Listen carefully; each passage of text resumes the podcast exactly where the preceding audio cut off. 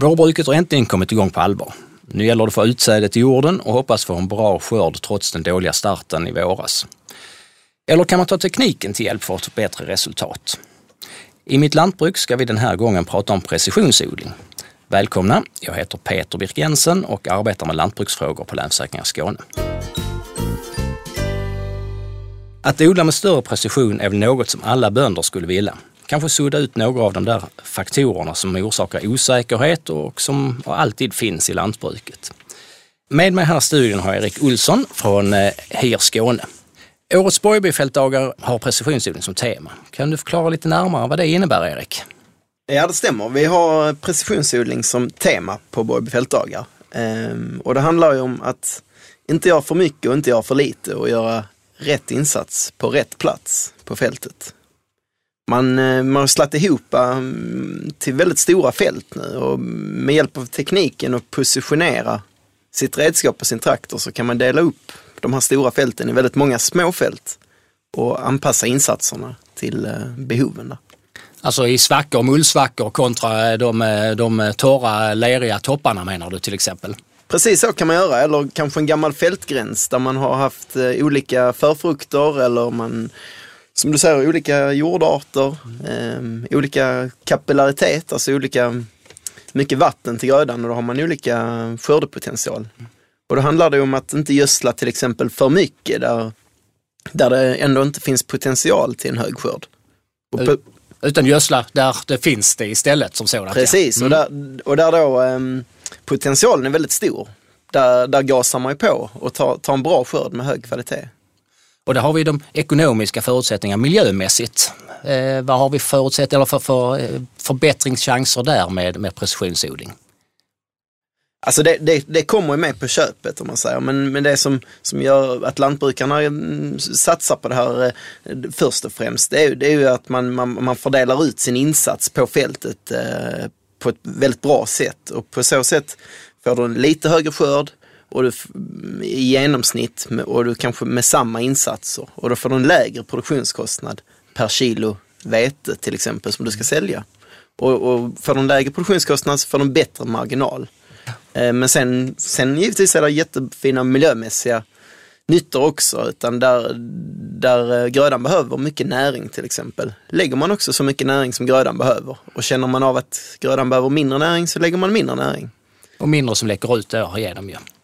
Precis, ja. till exempel. Och så då med hjälp av eh, tekniska hjälpmedel så kan man också läsa av grödan under tiden, eh, under tiden den växer i växtsäsongen och känna av liksom, vad är statusen, hur mycket, hur mycket ska vi gasa på eller ska vi bromsa lite och spara in lite här.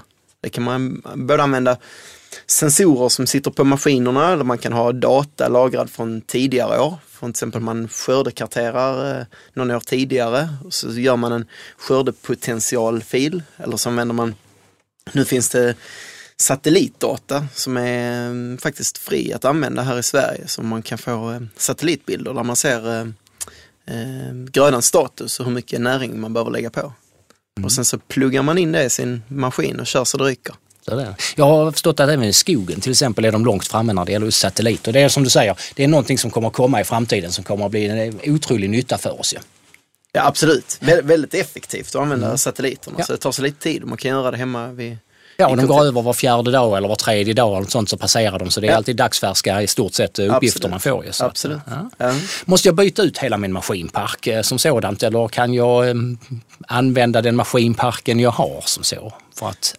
Nej, alltså det, mycket av det bygger på att man, har, att man kan positionera sig, men många har investerat i GPS-utrustning kanske först och främst för att köra spikrakt. är liksom det första incitamentet att man eh, köper GPS-utrustning. Men, men GPSen positionerar hela tiden fordonet också. Och så länge man kan det, sen så kan man koppla på till exempel sin såmaskin eller gödningsspridare eller vad man, när man vet positionen. Ah, ja, det är det som styr det ja, kan man säga. Ja. Och, men det finns ju många gånger på gårdarna redan. Va? Så mm. det, det handlar om lite engagemang och eh, någon sladdar och och um, sådär. Och, och intresse att koppla ihop sladdarna. Intresse, mm. Mm. Men jag tror, jag tror liksom att vi är precis i, i starten här och ska man vara med liksom, eh, om, om fem, sex år och producera till, de lägsta produktionskostnaderna. Vilket man måste i alla branscher liksom för att kunna vara med. Då, då är det nog bara att anamma tekniken. Då är det bara att se glad ut och köra som du sa. Ja, ja. Med på telefon har vi lantbrukaren Henrik Jönsson. Välkommen! Tack! Eh, du har använt dig av så kallad N-sensor när du sprider gödning och du har gjort under flera år nu. Kan du förklara hur en sån fungerar? Ja. Eh, detta är en N-sensor från eh, Jara som jag har kopplat till, till min gödningsspridare. Eh, den är ju egentligen eh, den, den, den läser liksom grödan i realtid hur mycket eh, kväve som är upptaget. Och detta beräknas sen om för att berätta för gödningsspridaren hur mycket den ska sprida ut på olika ställen på fältet. Så att den, ja, det är ett bra redskap för att kunna variera sin, eh, sin eh, kvävetillförsel till grödan på ett smart sätt. Där det behövs kväve lägger den mer, där det inte behövs så mycket lägger den mindre. Och den, den går alltså inte via din hjärna då utan den sköter det helt separat så du kan koncentrera dig på radion eller något annat spännande? Nej, det är inte riktigt så. Alltså, den är ju, det är ju som ett verktyg som vad som helst vi har ju. Att, det krävs ju, det krävs ju ett uh, visst intresse för att få den, ja, och, och, erfarenhet för att det ska fungera bra ju. Ja. Det är i regel går det inte bara att ställa in att man vill ha 10 ton vete med den proteinhalten uh, som man, man vill ha. Utan, utan nu får ju, man får ju kanske lägga upp en strategi, man får eh, använda satellitkartor för att se ungefär vilka variationer vi har i fält. Sen kan man gå ut med den här och, och scanna för att få reda på hur mycket kväve där är upptaget.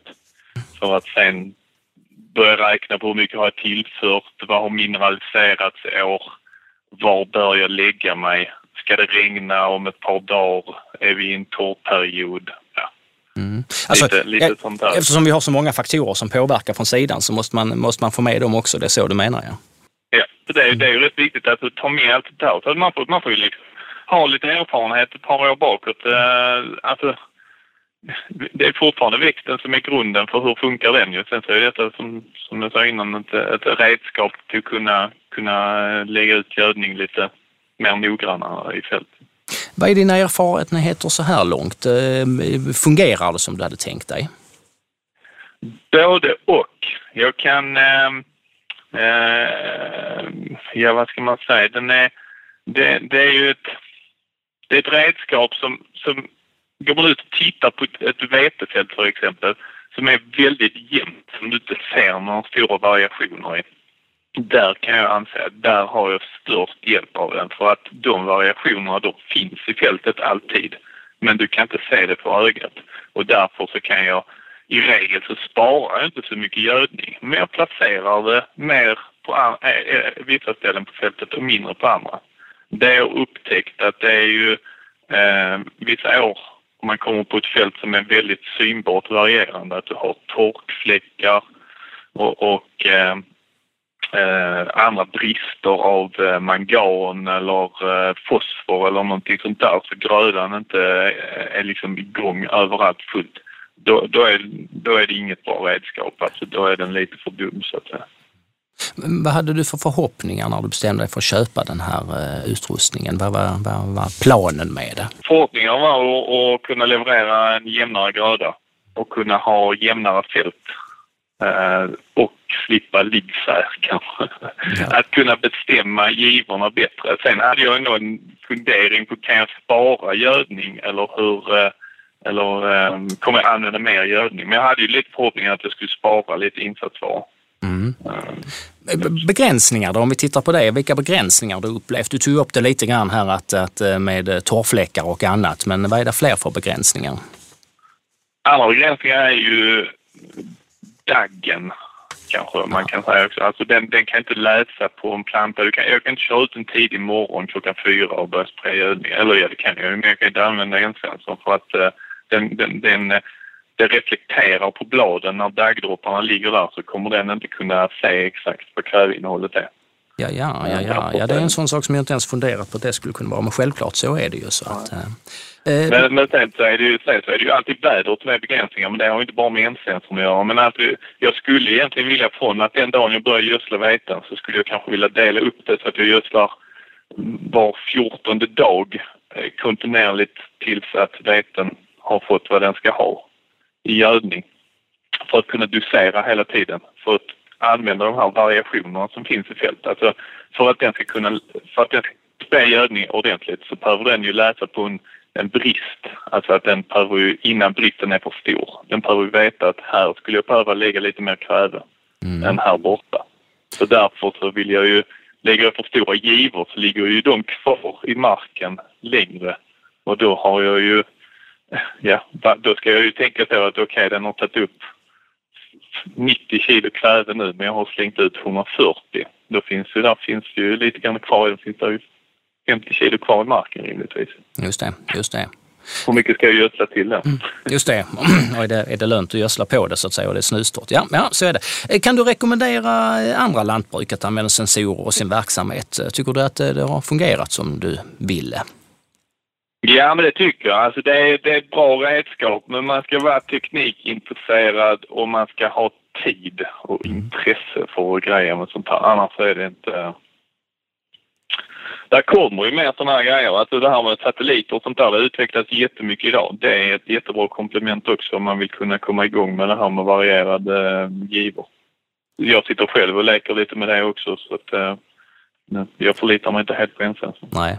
Eh, tror du att, jag tror du, i, din värld, tror du det är så att satelliten kommer ta överhand en vacker dag och eh, sensorn kommer försvinna så att vi kommer köra bara på satelliten? sensorn kommer ju, alltså du behöver ju någonting som kanske läser i realtid men sensorn kan ju även sitta på en drönare i mina ögon. Mm, just det.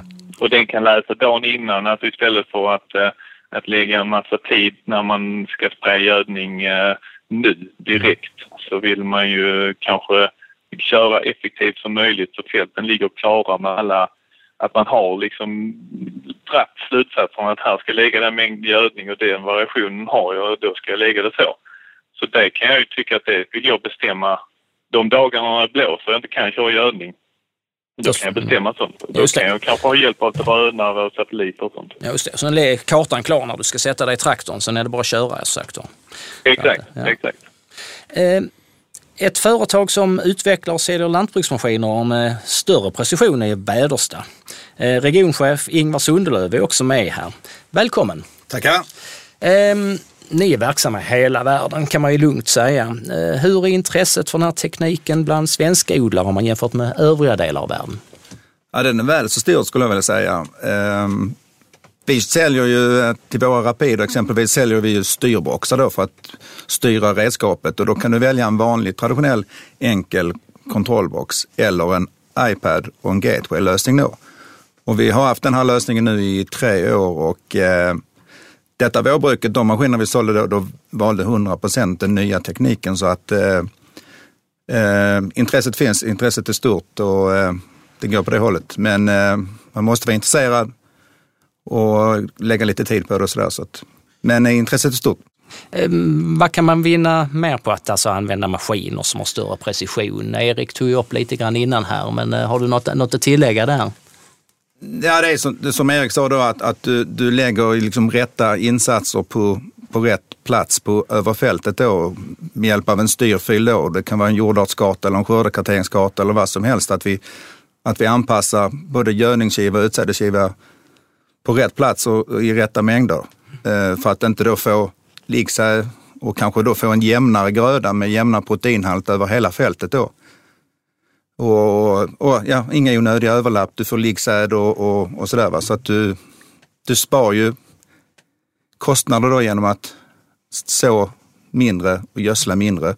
Eller rättare sagt gödsla rätt över fältet. Då, och sådär. Så att, eh, det, det är stora vinster med det.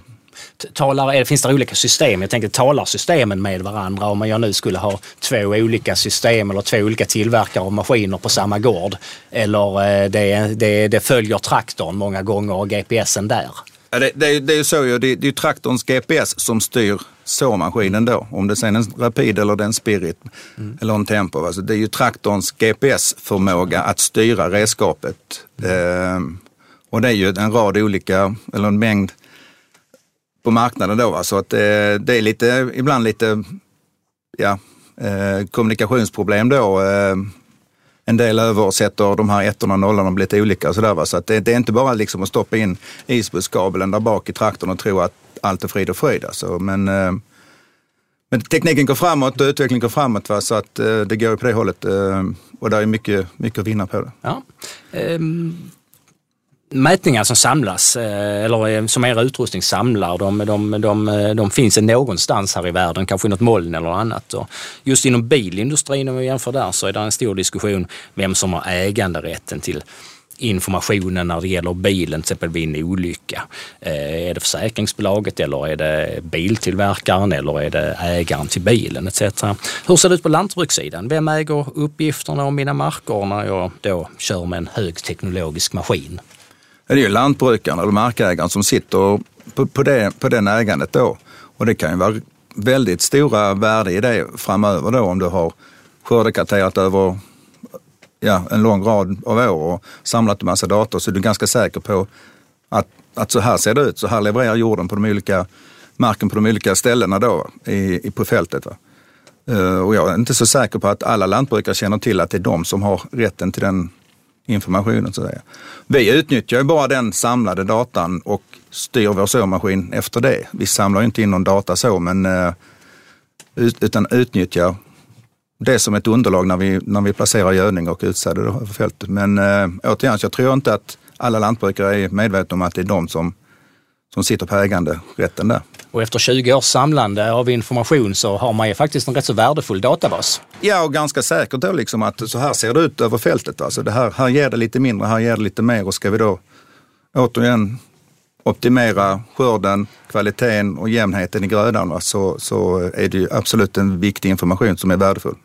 Ja, då kanske det är i framtiden man ser annonser där det är, förutom stödrätter och mark och annat så är det även då eh, informationen som är samlad. får man, vi se. Man säljer med någon mark och någon skördekarta i, ja, också och, och, och tar betalt för den förhoppningsvis. Ja, häftigt.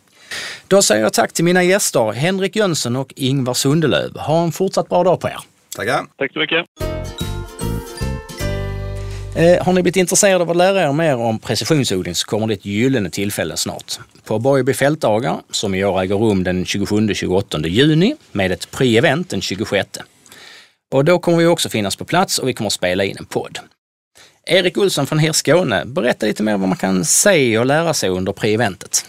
Ja, Pre-Event Borgeby det är en konferensdag som vi går på djupet i årets tema för Borgeby fältdagar som är precisionsodling i år som vi har förstått.